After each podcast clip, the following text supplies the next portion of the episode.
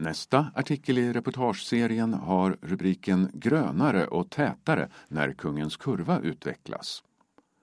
E-handeln tar allt större marknadsandelar. Strukturomvandlingen påverkar även Skandinaviens största handelsplats, Kungens kurva. Utvecklingen i Kungens kurva har under många år varit god. Men allt fler hyresgäster efterfrågar mindre lokaler. Samtidigt pågår sedan flera år tillbaka planering för bostäder i området. När handeln tar mindre plats behöver vi se över hela området och skapa förutsättningar för att Kungens kurva blir en så bra plats som möjligt att både besöka och arbeta på, men även att bo på, säger Charlotte Persson, chef för samhällsbyggnadsavdelningens strategiska sektion.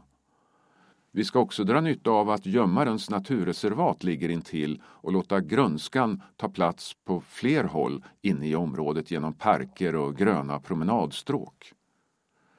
I förslaget till ny utvecklingsplan för Kungens kurva nämns bland annat 10 000 nya bostäder varav 3 500 i kvarteret Diametern där en mer detaljerad planering redan pågår.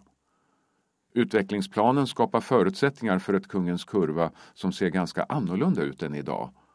Handelsplatsen finns kvar, men i komprimerad skala där det istället fylls på med bostäder, andra funktioner och besöksmål.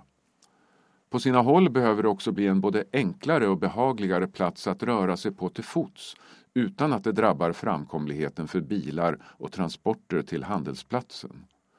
Dessutom behöver området knytas ihop bättre med Skärholmen, vilket blir en positiv effekt av Spårväg Syd.